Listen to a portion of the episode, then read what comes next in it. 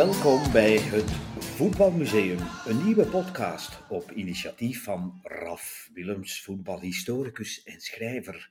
Vertellingen, inzichten, portretten en anekdotes uit het rijke verleden van het spel om de bal. Een eerste serie hangen we op aan de 25 vedetten en ook wel anti-helden van de wereldbekergeschiedenis tussen de Olympische Spelen van Antwerpen 1920, jawel, want dat werd beschouwd als het eerste officieuze wereldbekertoernooi, en de World Cup in Qatar van 2022. Gebaseerd op mijn boek 111 legendarische voetbalhelden sinds 1920. Welkom bij aflevering 9 over Garincha. Goddelijk, gek, geniaal en eenzaam. Referentiewedstrijd Brazilië-Tsjechoslowakije 3-1 finale Mondial Chili 17 juni 1962. Garrincha, was hij de voetballer die elke Braziliaan wil zijn? Is hij de Braziliaanse oervoetballer? De creatiefste, de geestigste, de intuïtiefste, de onberekenbaarste, de meest clowneske. Zie daar de wereldbekerwinnaar van 1958 en 62. Van zijn 50 interlands verloor hij slechts de allerlaatste, 42 zegens, 1 nederlaag. Biograaf Rui Castro vat het krachtig samen in zijn boek Estrela Solitario, of De Eenzame Ster, open de aanhalingstekens, de Brazilianen respecteerden Pelé, maar identificeerden zich met Garrincha. Dat werd duidelijk bij zijn overlijden in 1983. Tienduizenden schaarden zich in de rouwstoet achter de brandweerwagen die hem van Maracanã naar zijn geboortedorp Po Grande bracht. 8000 mensen drongen samen rondom de begraafplaats. Zijn kinderen raakten niet tot bij de kist voor de laatste groet sluiten aanhalingstekens. Men noemde hem Mané, die werd geboren met de bal aan de voet. In zijn geboortedorp werd hij ingeschreven als Manuel dos Santos. Men zegt dat de vroedvrouw schrok van zijn kromme beentjes, het linkerboog naar buiten en het rechter keerde naar binnen. Zijn zus doopte hem op zijn vierde tot Garincha, naar het winterkoninkje dat hij met zijn katapult uit de bomen knalde. Door zijn scheve ruggengraat was zijn linker x-been zes centimeter langer dan zijn rechter o-been. De dokters keurden hem af voor het voetbal, maar hij zou zijn eigen ondeugende kroniek schrijven als A Allegria do Povo of De vreugde van het volk. Garincha bevrijdde zijn land van het wereldbekerpessimisme dat zich sinds de eerste editie van 1930 in de geesten had genesteld. Hij was het archetype van de samba-speler, het geïdealiseerde oermodel met wie die gemiddelde Braziliaan zich dus identificeerde. De sympathieke desperado die zijn schelmenstreken opvoerde aan de buitenkant van het veld. Onbegrepen door zijn medespelers, dodelijk voor de vijand, begeerd door de vrouwen. Het spel en de persoonlijkheid van Garincha zetten ook de voetbalgeleerden en psychologen op het verkeerde been. De ongeletterde dribbelaar werd smalend simpel genoemd. Zelf had hij wellicht snel in de smiezen dat zijn imago van ontoerekeningsvatbaarheid hem in staat stelde volledig zijn zin te doen. Hij ontsnapte uit trainingskampen op zoek naar vrouwen, want naar zijn oordeel was seks de belangrijkste lichaamsoefening om zichzelf fit te houden. De gemiddelde Braziliaan identificeerde zich evenzeer met zijn gulzigheid naar lust. Nelson Rodriguez, de befaamde literator, theaterrecensent en voetbalcolumnist, zag het stadion als een schouwburg met Garincha als de improviserende acteur, de oncontroleerbare, die zowel de balletpirouette als de carnavalsakt in zich had. In zich had liever. In zijn gebundelde Chronicas de Voetbal benoemde hij de figuur Garincha tot een show op zich.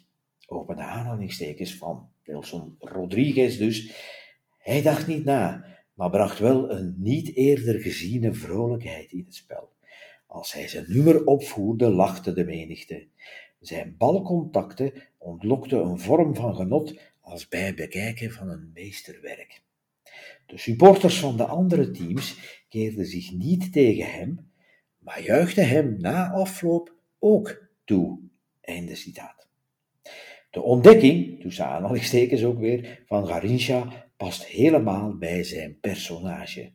Botafogo-speler Arati zag hem toevallig in Po Grande op zijn vrijwel onimiteerbare manier met de bal jongleren. Hij overtuigde hem om zich bij zijn club aan te bieden. De coach lachte hem uit toen hij hoorde dat hij op de rechtsbuiten speelde, want dan zou hij Nilton Santos op zijn weg vinden, de beste linksachter ter wereld. Maar Garincha dribbelde Nilton op het trainingsveld naar alle hoeken en kanten van datzelfde veld en zijn contract lag klaar. Dat was in de zomer van 53. Tijdens zijn eerste Europese tournee speelde Botafogo, de Franse topclub Stade de Reims, zoek. Bij 1-5 sommeerde de coach om de bal in de ploeg te houden, want hij wilde de vernedering niet te groot maken voor de Fransen. Garincha nam de boodschap letterlijk en startte met dribbles, schijnbewegingen en het rondtikken van het balletje tot het thuispubliek hem een staande ovatie gaf. Zijn coach noemde hem van dan af Charlie Chaplin. Hij werd schromelijk onderbetaald. Hij wist het, maar het deerde hem niet. Maracanja, de mythe. De tempel ontleende zijn mystiek aan Garincha. Die lokte met gestoorde en schone voetbalkunst geregeld meer dan 150.000 doldwaze toeschouwers.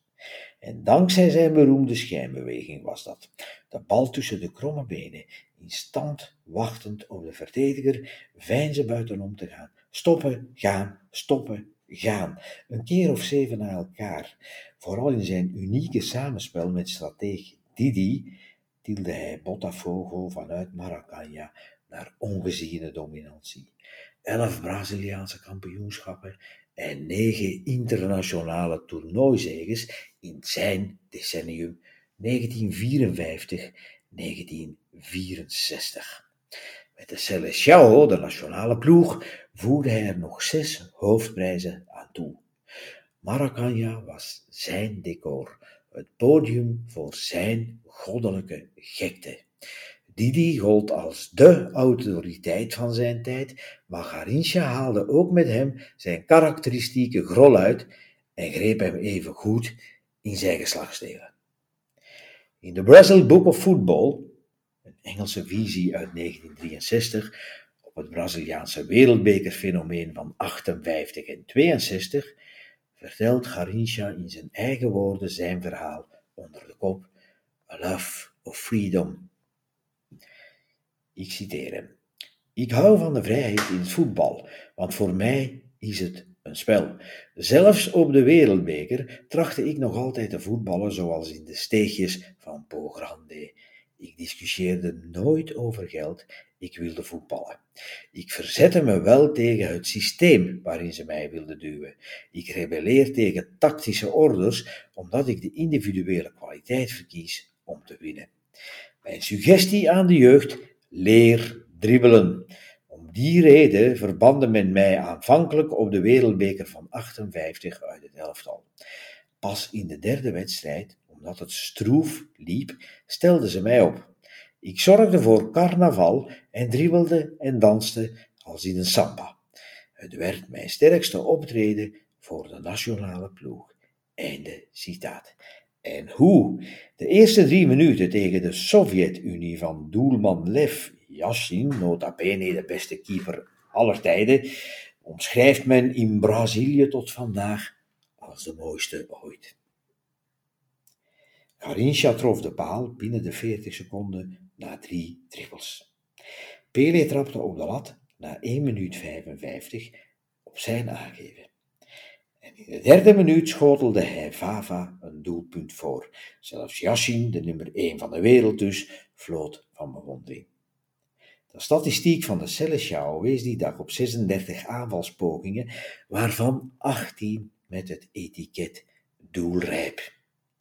Het kwartet Didi Pele, Pele Vava Garincha ontregelde de defensies van Frankrijk, halve finale, en Zweden, finale, telkens met 5-2. Brazilië droeg het wereldbekergoud aan hem op.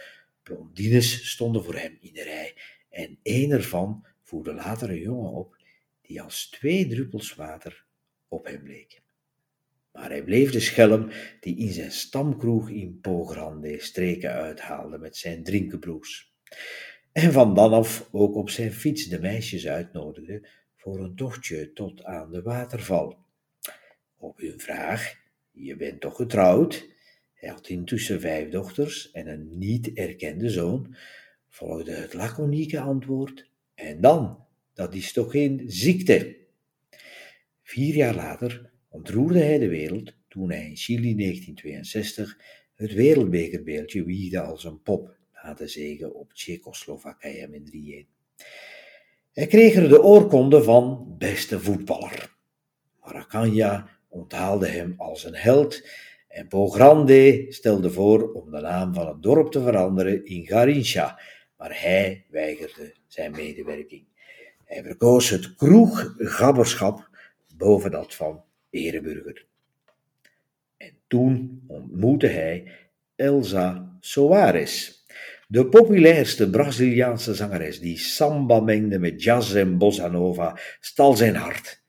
Hij liet zijn vrouw en dochters achter in Po Grande en verhuisde naar de Copacabana, waar het verliefde celebrity-koppel uren aan elkaar besteedde. Rui Castro schuwt in zijn biografie geen enkele schaamte bij de beschrijving. Ik neem u even mee naar zijn woorden. Hun seksuele daden duurden zelfs de hele nacht, want hij had slechts 15 minuten nodig om op adem te komen. Hij beschouwde het seksspel als een vorm van sport. Daarbij kierden ze van de pret en maakten zoveel kabaal dat de buren de politie op hen afstuurden wegens nachtlawaai. Einde citaat. Garincha meende het met Elsa. Voor het eerst in zijn leven staakte hij de jacht op andere vrouwen. Het koppel kreeg het hard te verduren. Castro beschrijft gedetailleerd hoe de militaire coup van 1964 de carrière van Soares ruïneerde. Open opnieuw de aanhalingstekens.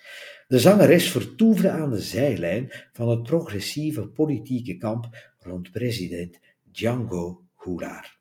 Ze was bevriend met hem en haar songs kenden een ongekende populariteit. Ze schreef singles ten voordele van het democratische referendum en men noemde haar de koningin van de metaalbewerkers. Toen de tanks door de straten van Rio rolden en Django door de militairen van de macht werd verdreven, veranderde het leven van Soares en Garcia drastisch. Einde citaat. Van dan af ontvingen ze dreigtelefoons met racistische beledigingen en Elsa's muziek werd alleen nog in de clandestiniteit gedraaid. Garincha sukkelde met blessures. Zijn loopbaan eindigde abrupt in 1967 en de belastingdiensten dwongen hen tot de verkoop van hun huis. De drankduivel haalde hem neer. Incontinentie, delirium tremens, paranoia. Hij verdacht Elsa van bedrog en na zoveelste gewelddadige ontsporing wees hij hem in 1977 de deur.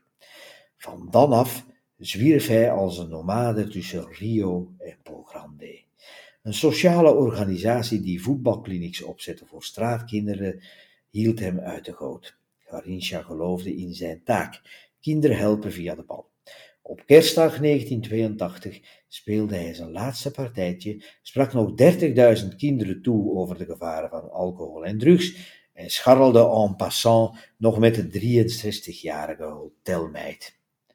Drie weken later overleed hij na een al te liederlijk leven, berooid, alleen. De beste buitenspeler aller tijden lokte 133.000 kijkers naar Maracana voor zijn afscheidswedstrijd. Hij was tegelijk de Estrella Solitario, de eenzame ster, die zichzelf de dood indronk. Bij zijn uitvaart stond op straat een intimistische slogan gekalkt.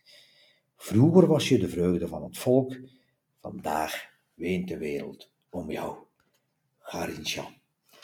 Geboren op 28 oktober 1933, overleden op 20 januari 1983. Drie keer kampioen van uh, Rio twee keer van Brazilië. Verder wereldkampioen in 58 en 62. Dit was aflevering 9.